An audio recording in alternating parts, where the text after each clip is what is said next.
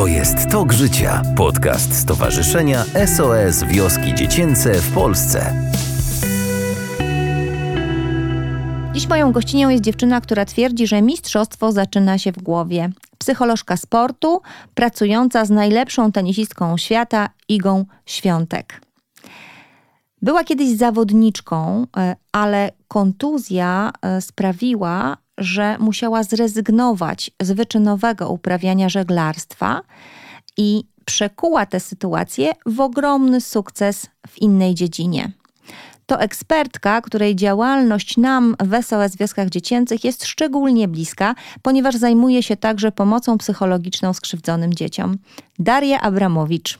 Dzień dobry. Dzień dobry, witam serdecznie. E, witam Cię serdecznie, dziękuję, że przyjęłaś nasze zaproszenie i na początek chciałam Cię zapytać, co dostałaś w tym roku na urodziny od Igi Świątek i dlaczego był to akurat taki prezent? Dostałam buty. Mm, to nie pierwsze mm, buty takie custom e, z zaraz powiem jakim dodatkiem, które dostałam, ale te rzeczywiście były wyjątkowe, ponieważ e, po pierwsze, znajdują się na nich e, trofea, które Iga w tym roku e, wygrała. No, zabrakło jednego z San Diego, ale to dlatego, że urodziny miałam przed e, turniejem w San Diego. I jest też napis, że trudno byłoby to zdobyć, gdyby nie ja, w związku z czym taki wyraz wdzięczności za, za wsparcie merytoryczne, za wsparcie emocjonalne częste tam się znajduje. Taki to prezent. To był prezent taki zupełnie dla ciebie, ale był jeszcze jeden, był taki prezent dla nas i dla naszych dzieci, czyli przekazanie w związku z swoimi no tak. urodzinami. Ale o tym trochę mhm. nie, nie myślę w kategoriach prezentu dla mnie. Mhm. Może dlatego odpowiedziałam w ten sposób y, na to pytanie, bo moim zdaniem jest to prezent, czy też wyraz wykorzystywania w jakiś sposób swojej platformy dla innych. No bo moje urodziny przypadają 10 października w mhm. Światowy Dzień Zdrowia Psychicznego, co myślę jest takim ciekawym, ciekawym zbiegiem okoliczności z uwagi na zawód, który wykonuję.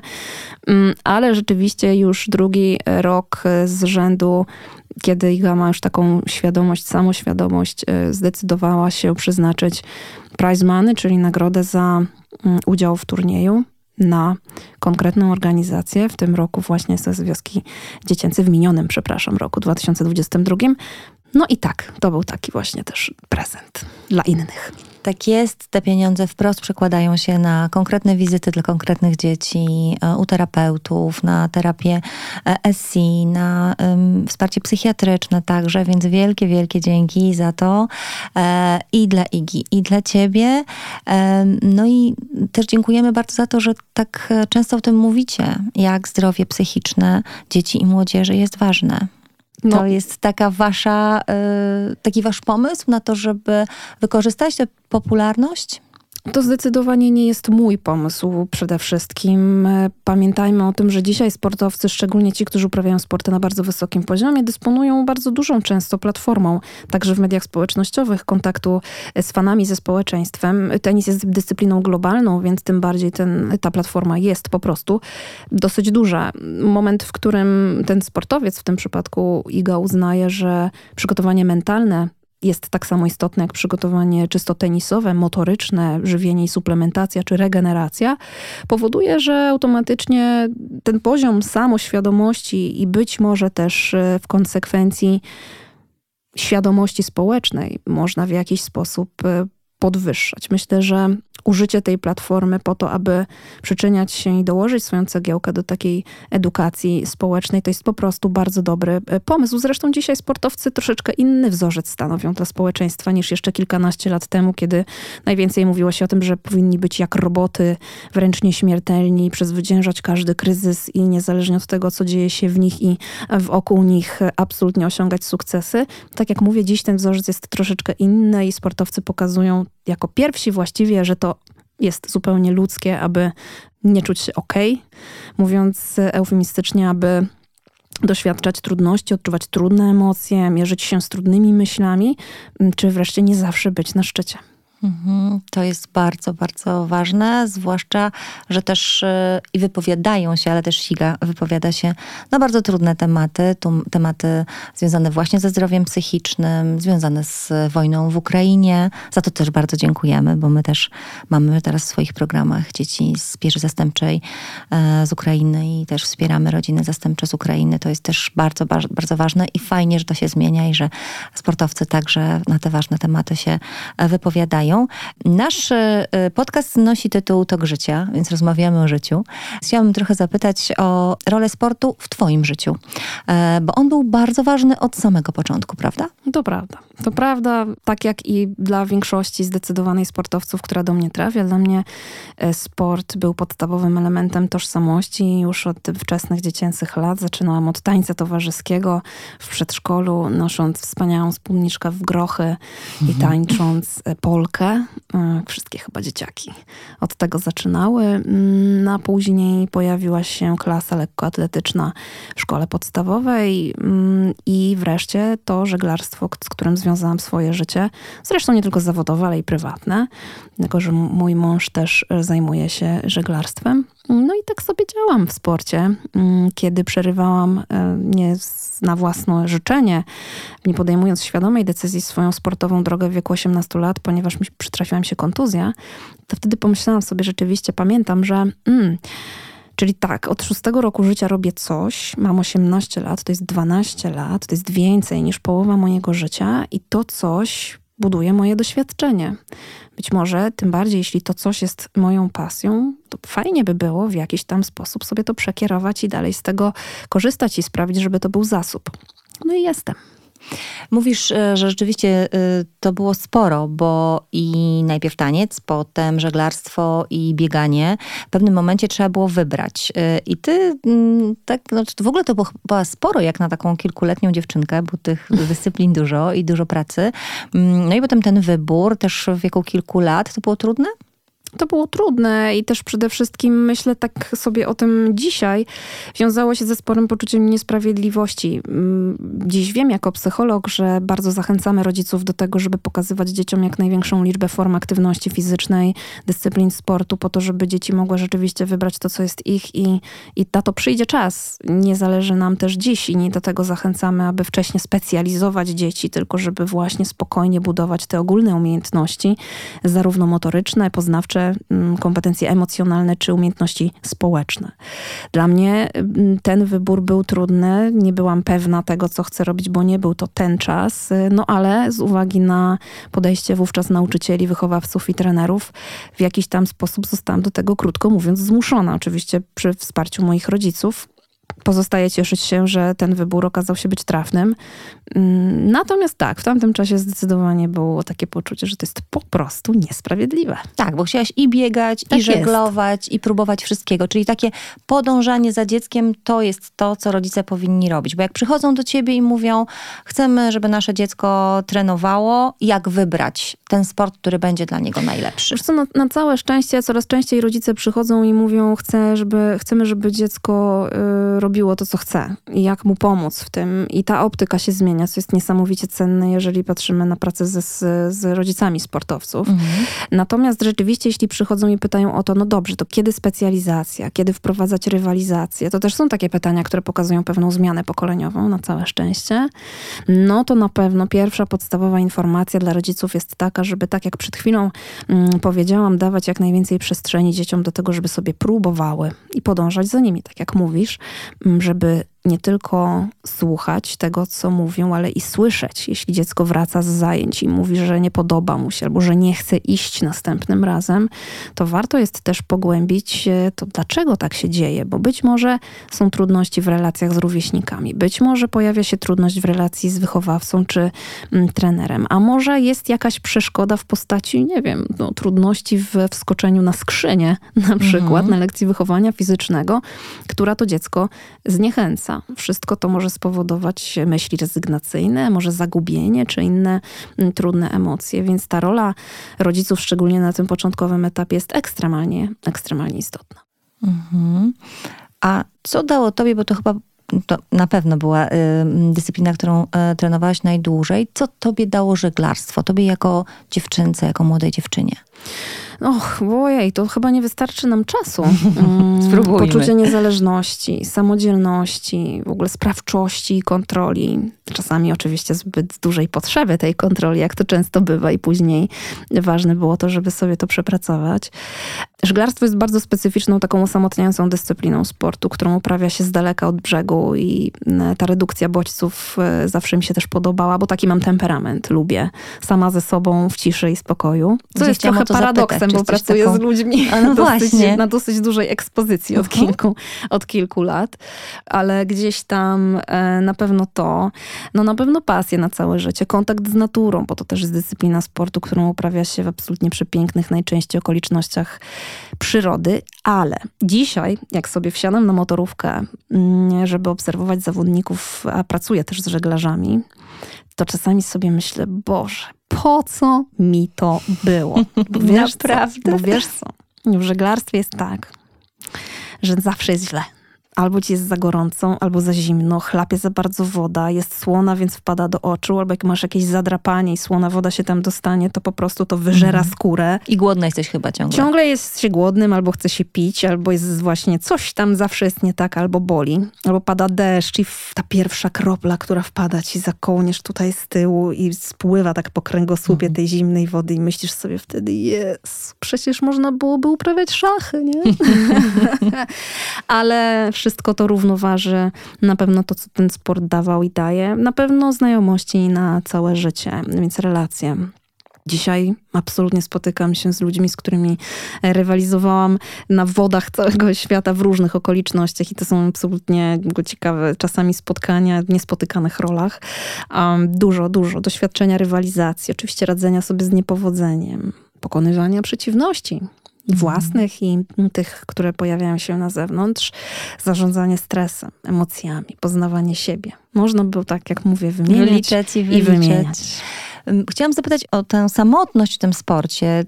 Tak trochę powiedziałeś, że jesteś taką trochę samotną Mhm. wilczycą, mimo, mimo zawodu, który uprawiasz e, teraz. To nie jest sport drużynowy, a czasem rodzice myślą na przykład o tym, że e, jeżeli dziecko ma problemy z kontaktami z rówieśnikami, w odnalezieniu się w grupie, to może dobrym pomysłem będzie wysłanie ich go na takie zajęcia, żeby uprawiało sport drużynowy. To dobry pomysł, czy nie? dobry? Jasne. Pewnie, no znowu próbujmy i Mhm. patrzmy, jak dziecko reaguje. Jeżeli odnajduje się w tej grupie i, mm, i czuje się dobrze, to super. Jeżeli nie i sprawia mu to trudności, to zastanówmy się i, i porozmawiajmy na ten temat, jakie to e, trudności. A wreszcie, nie zawsze sport indywidualny będzie sportem osamotniającym, bo w tenisie, w pływaniu, w, nawet w żeglarstwie funkcjonuje się w grupach. E, To są trenerzy, to są inne dzieci, inni zawodnicy, którzy też uprawiają ten sam sport w tym samym klubie, czy w tej samej e, grupie. Także zawsze ten komponent e, relacji społecznych istnieje, relacji rówieśniczych. I to tak naprawdę fundamentalnie jest najważniejsze. I turnie potem patrzymy na to, jak my z tym pracujemy. Jak wspieramy dziecko w budowaniu jego umiejętności komunikacji, asertywności i właśnie budowania takich trwałych i bliskich relacji rówieśniczych. Mhm. Ja mam też takie doświadczenia, co, prawda nie z dzieciństwa, ale już z takiej późnej dorosłości. Powiedziałabym, kiedy próbowałam biegać i nie mogłam prze, y, przełamać bariery pięciu kilometrów, ktoś mądry, y, koleżanka moja z SOS Wiosek Dziecięcych powiedziała mi, znajdź drużynę. I rzeczywiście w momencie, kiedy okazało się, że jesteśmy drużyną i to potrafimy się zmotywować do tego, żeby ten, to swoje, ten, ten swój dystans wydłużyć i jakieś takie fajniejsze starty dla siebie znaleźć, więc y, rzeczywiście też tę drużynę można znaleźć nawet w takim sporcie, który drużynowy się nie nazywa. No jak najbardziej. Zresztą jest wiele badań, które potwierdzają, że, y, że, że grupa i wsparcie emocjonalne, także w grupie wzajemnie, wzajemne takie procesy gr- rówieśnicze, grupowe, które zachodzą, bardzo wspierają motywację, determinację i też poprawiają efektywność wykonania sportowego.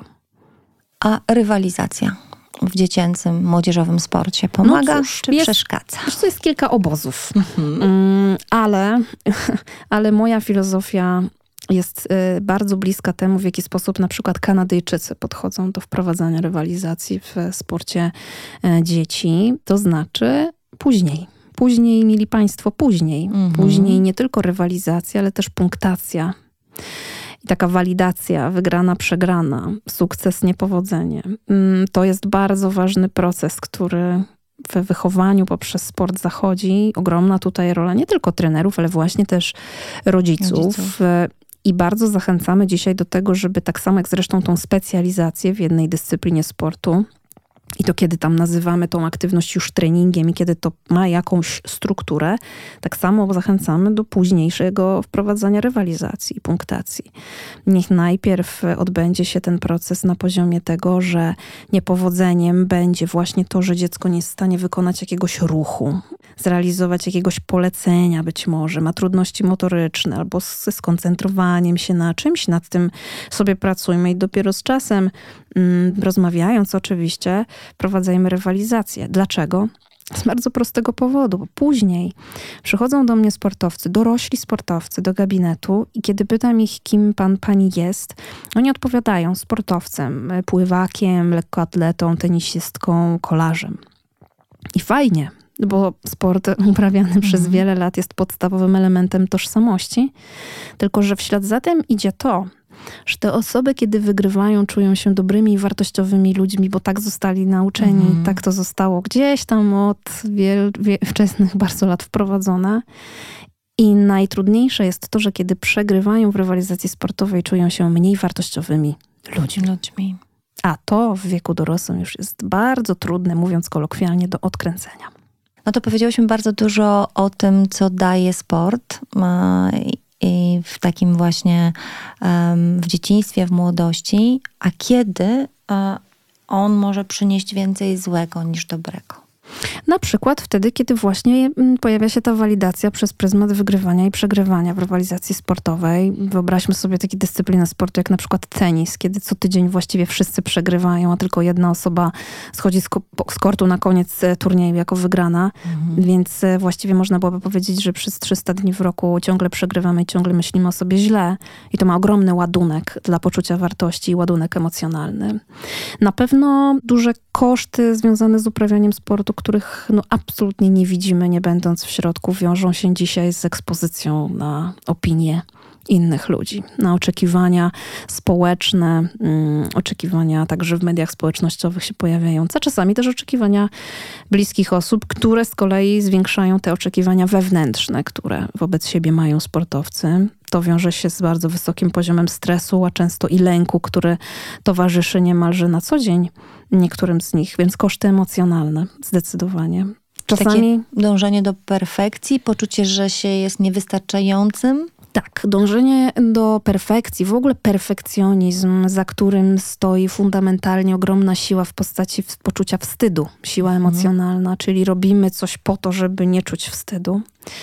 Um, jest bardzo destrukcyjną tendencją, która zresztą wedle badań i doświadczeń praktycznych pokazuje, że e, bardzo prosta linia przebiega od dążenia do perfekcji, do wypalenia w tym, co robimy i dotyczy to nie tylko sportu, ale też wszystkich zawodów opartych o performance, szeroko pojęte zawody artystyczne, biznes, medyczne, prawnicze i tak dalej, i tak. Więc dziś mówimy bardzo dużo też o tym, że czymś innym jest dążenie oczywiście do doskonałości w tym, co robimy, ale znowu z akceptacją błędów i, i niepowodzeń, które są nieodłącznym elementem tego procesu a dążeniem do perfekcji, które jest bardzo destrukcyjne, gdzie nie ma miejsca na błędy, nie ma miejsca na trudne emocje, nie ma miejsca na y, przegraną, bo to oznacza od razu właśnie tę wspomnianą wcześniej słabość. Tych kosztów jest oczywiście dużo, tak sobie myślę, szczególnie kiedy ten sport jest niekonstruktywnie prowadzony w obszarze społecznym.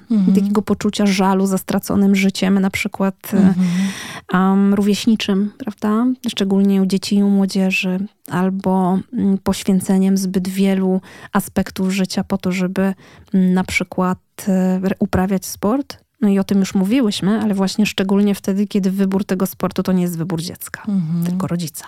Tak jest. Wróćmy do, takich, do takiego trudnego momentu, o którym już tutaj powiedziałaś, moment kontuzji i tego, że właściwie no, ona zamknęła gdzieś twoją drogę do zawodowego e, sportu. Zostałaś, jak gdzieś e, usłyszałam, bez planu, bez pomysłu, ale nie byłaś sama, bo Mhm. miałaś wokół siebie ludzi i to relacje gdzieś y, poprowadziły cię w dobrą stronę. Dzisiaj sport to w ogóle jest praca na relacjach w bardzo dużej mierze. Bardzo często to zdanie powtarzam i, i rzeczywiście wówczas e, wsparcie przede wszystkim mojego trenera i takie popchnięcie mnie w stronę tego, żeby spróbować swoich sił jako trener.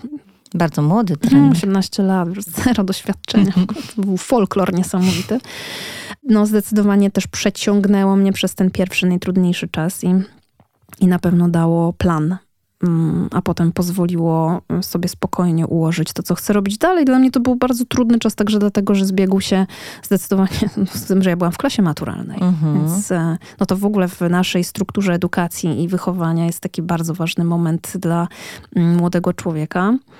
I więc zdecydowanie o tym mówimy, tak? Wsparcie emocjonalne i merytoryczne dla sportowców, czy w momencie kontuzji, czy wyjścia ze sportu, jest jednym z kluczowych elementów utrzymania równowagi i dobrostanu. Jak najbardziej. Mhm. Właściwie, to mówiłam też na początku, poszłaś w zupełnie, no nie wiem czy w zupełnie innym kierunku, ale jednak e, ten wybór, on był taki bardzo naturalny, w sensie ten, e, ta psychologia, to, to, to znaczenie głowy w sporcie, to było coś, co cię bardzo interesowało wtedy? Czy to był jakiś proces? Czy myślałaś o czymś innym? Wiesz co, dla mnie to był no-brainer trochę, bo ja już uprawiając sport miałam tak 15-16 lat, pamiętam, już myślałam o tym, że tam jest coś więcej, co nie do końca są mi w stanie przybliżyć, Mhm. Wytłumaczyć. Moja głowa potrzebowała rozumieć, tak mam od zawsze, Mhm. potrzebuję wiedzy. I wtedy sobie już myślałam, że fajnie byłoby się tego dowiedzieć, ale to był taki czas, kiedy bardzo trudno była o źródła, nie tylko w Polsce, ale w ogóle internet raczkował. A na korbę jeszcze był wtedy. Dźwięki telefonu, e, jak się łączył e, PC stary, tak? I jak wtedy sobie zaczęłam to składać, pracując już jako trener, studiując na Akademii Wychowania Fizycznego, to pomyślałam sobie, że właśnie dla mnie naturalną konsekwencją jest to, żeby dalej to zgłębić. I znowu ludzie wtedy na mojej drodze się pojawili, którzy bardzo mnie pokierowali, moimi autorytetami w kontekście tego, jak budować swoją wiarygodność w tym zawodzie, etykę i, i w którą stronę zmierzać. I tak jak już powiedziałam wcześniej, jestem. E, Mówimy tutaj o relacjach w sporcie. E, My też, i, i mówi, że te relacje są najważniejsze i my też w SOS Wioskach Dziecięcych właśnie na relacje stawiamy, czyli na takiego bliskiego, bezpiecznego dorosłego, który jest z dzieckiem i proponuje różnego rodzaju e, aktywności, także aktywności sportowe, ale czasem jest tak, że dziecko nie chce. Jest nie na każdą propozycję. Co wtedy? Wtedy pomyślmy, że to dziecko to jest człowiek i coś stoi za tym, że ono mówi nie. Naszą rolą jako dorosłych jest wykazać się większą cierpliwością niż to dziecko i gotowością i zasobami innymi do tego, żeby spróbować się dowiedzieć. I tak jak powiedziałam, nie tylko słuchać tego, co mówi, ale też realnie usłyszeć. A kiedy się już dowiemy, to dopiero wtedy jesteśmy w stanie wybrać jakąś strategię, jakieś podejście i zaopiekować tę trudną na pewno sytuację. Nie wystarczy tylko mówić chcę, ja chcę, ty musisz. Tak to nie działa. Tak to nie działa. A jak mamy bardzo wysoką motywację, dziecko mm, uprawia jakiś sport, jest super i w pewnym momencie zaczyna dorastać. I nagle się okazuje, że ten sport nie jest taki ważny, e, a rodzice dużo zainwestowali czasu, czasem i pieniędzy, a czasem na przykład chcieliby, żeby dziecko uprawiało sport, bo oni nie mieli takiej e, szansy. Co wtedy? Powiedziałaś kluczowe zdanie na samym początku tego pytania. Kiedy my mamy dużą motywację, a dziecko dorasta i sport przestaje być tak ważny, no to jest do, lekcja do odrobienia przez rodziców, a nie przez dziecko. To rodzice mają motywację, to rodzice chcą, tak? to rodzice mają potrzeby, to rodzice mają swoje oczekiwania od sportu dziecka. Więc pytanie wtedy nasuwa się mm, następujące, czy to dziecko na pewno jest podmiotem w swoim sporcie? A powinno być. Czyli, krótko mówiąc, tutaj warto o pewną refleksję na temat tego, jaką rolę ten sport pełni w życiu dziecka, jaką pełni w życiu rodzica i kto ma większą, tak jak powiedziałam, pracę do wykonania w tym obszarze. Mhm. Bo dzieci mają w tej chwili bardzo trudno. Mam na myśli Tak. Na przykład nastolatki. Wiemy, jakie są dane, one ostatnio są. Plus system edukacji, plus wzorce, autorytety, wiadomo, jest bardzo trudno i to niech wybrzmi. Bardzo to jest trudne, dzieciaki są bardzo obciążone. Tak jak powiedziałaś, system edukacji, który jest, mm, nie boję się tego słowa, opresyjny, mhm. oparty cały czas na, tylko na właśnie osiągnięciach, na ocenach. Um, I rzeczywiście jest, ciągle są egzaminy, um, ciągle nowe, e, nowe stresy. Ten sport może być takim regulatorem tego, prawda? Dopóki nie przesadzimy my jako dorośli, albo nie przesadzi dziecko. Tak, natomiast we wszystkim warto jest dbać o pewien balans i równowagę. Mhm. Jeżeli sport staje się czymś, co ma kompensować trudności pojawiające się w innych obszarach, co ma kompensować napięcie, którego doświadcza młody człowiek, regulować trudne emocje i taka ma być jego funkcja, to to jest rozwiązanie bardzo krótkotrwałe. No i nie bójmy się użyć tego sformułowania jednak niekonstruktywne, dlatego że nie jest to ten fundament i ta motywacja, o którą e, chodzi. Pamiętajmy o tym, że już od etapu wychowania poprzez sport.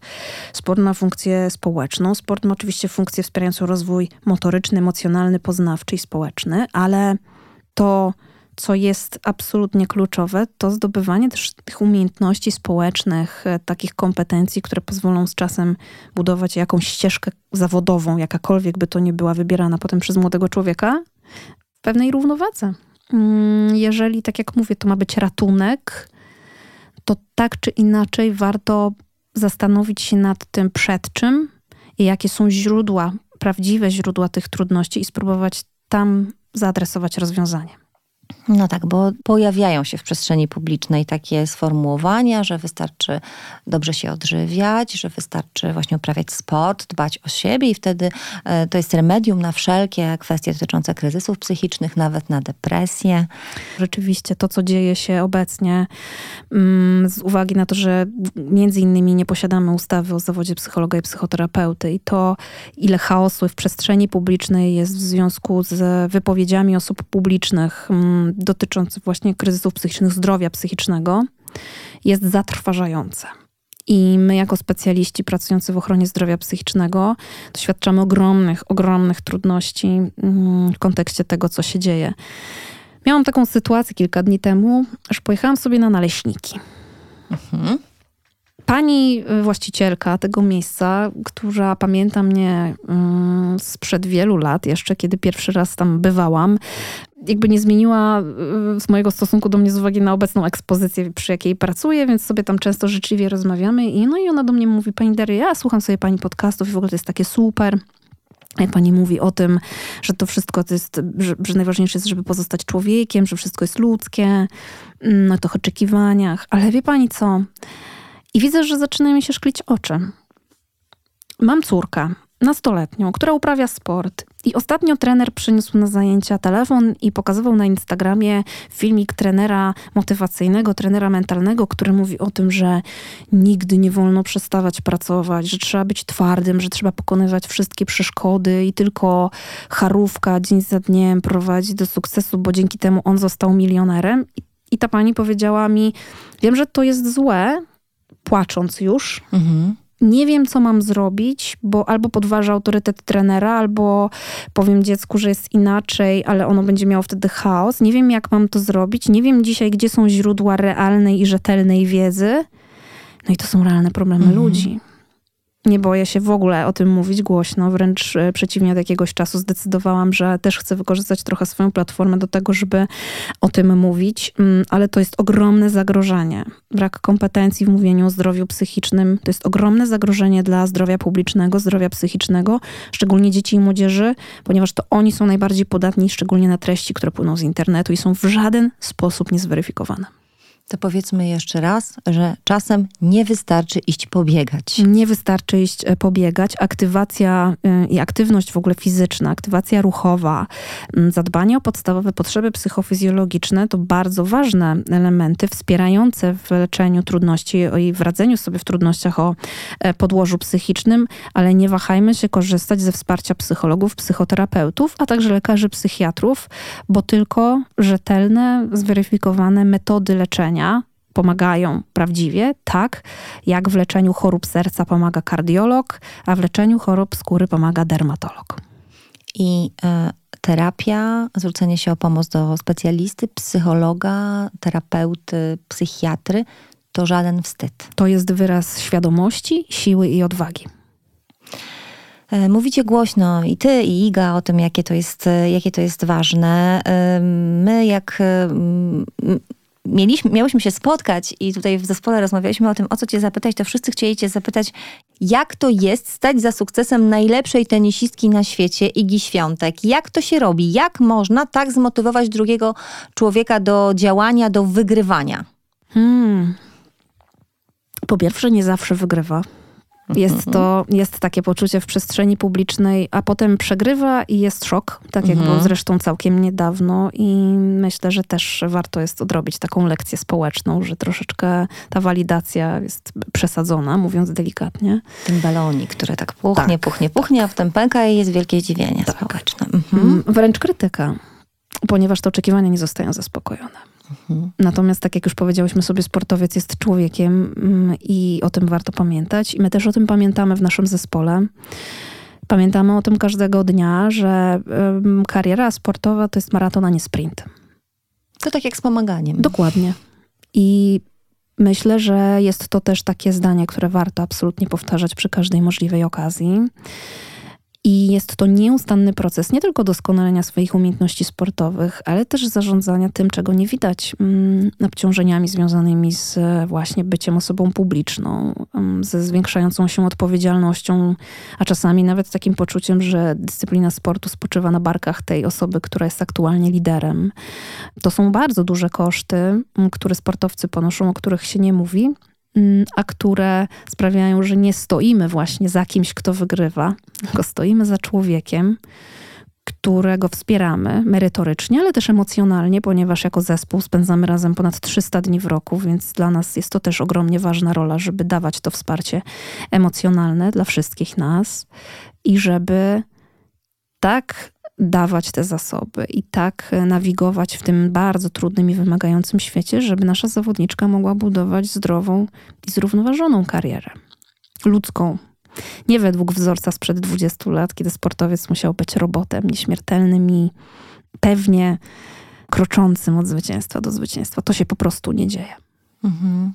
To jest super, o czym mówisz, bo też próbuję sobie to przełożyć na, na po prostu funkcjonowanie młodych ludzi i też na ten system, w jakim są, jeżeli chodzi o szkołę, e, gdzie właściwie to warto, twoje wartości mm, jako człowieka decyduje to, co masz na semestr. Albo, albo nawet ocena z ostatniej pracy klasowej. Dokładnie, to, co, mhm. to, co ostatnio się, się udało i to jest też coś, co gdzieś, nad czym e, warto by było pracować, jeżeli chodzi o system edukacji w Polsce w ogóle. E, już może kwestii dotyczącej edukacji sportowej polskich szkołach. No, to jest strasznie szeroki temat, bo to oznacza, że mhm. musielibyśmy zmierzyć się z tym, jakim mamy, jak, jak działa ten nasz komponent kulturowy, jaką mamy mentalność jako społeczeństwo, a to jest bardzo niekomfortowy temat. Tak, to prawda. I, i szalenie, szalenie e, szeroki. U nas w SOS Wioskach Dziecięcych e, mamy taki dość szeroki wachlarz, jeżeli chodzi o sport. Nasze dzieciaki i e, biegają w maratonach i, i run magedony się zdarzają. Mamy żeglarzy. Mhm. E, mamy też dzieciaki, które trenują jiu-jitsu, e, taekwondo, czyli sporki, sporty, sporty walki też są ważne, ale przede wszystkim taka najważniejsza jest relacja, czyli ten bliski dorosły, który, który cały czas jest i to mm, pomaga toczyć tym dzieciakom taką nie, nierówną walkę z życiem, no bo ze względu na swoje trudne historie, to, że w biologicznej rodzinie było tak, jak było, no to tę walkę muszą stoczyć. Wy nam bardzo pomagacie, bo już to wiemy. Pomału patrzymy na to, jak wiele wizyt się udało za te pieniądze z Ostrawy mm, sfinansować, ale to nie tylko to, bo to, że mówicie o zdrowiu psychicznym też jest dla nas bardzo ważne. Gdybyś miała e, zachęcić ludzi do tego, żeby wspierali takie dzieciaki jak nasze, żeby na przykład przekazali część swojego podatku dzieciom z pieczy zastępczej, to co byś powiedziała? Powiedziałabym, że warto, że wszyscy funkcjonujemy w społeczeństwie, że właściwie każdy z nas może mieć nawet niewielki wpływ na to, żeby budować zdrowe społeczeństwo, nie tylko fizycznie, ale i psychicznie. I że żyjemy w bardzo wymagającym i bardzo trudnym świecie. I o tyle, o ile dorośli mają więcej narzędzi i zasobów do tego, żeby się w tym świecie odnaleźć, to o tyle dzieciaki po prostu tego nie mają. Szczególnie te znajdujące się w trudnej sytuacji życiowej, a każdy jest człowiekiem i każdy zasługuje na wsparcie. Bardzo dziękuję i jeszcze raz bardzo dziękuję, że tak bardzo nam e, pomagacie obie i dzięki za te piękną, mądrą i inspirującą rozmowę. Mam nadzieję, że wielu rodziców z niej skorzysta. Dziękuję bardzo. Bardzo dziękuję. Życzę wszystkiego dobrego. To był Tok Życia, podcast Stowarzyszenia SOS Wioski Dziecięce w Polsce.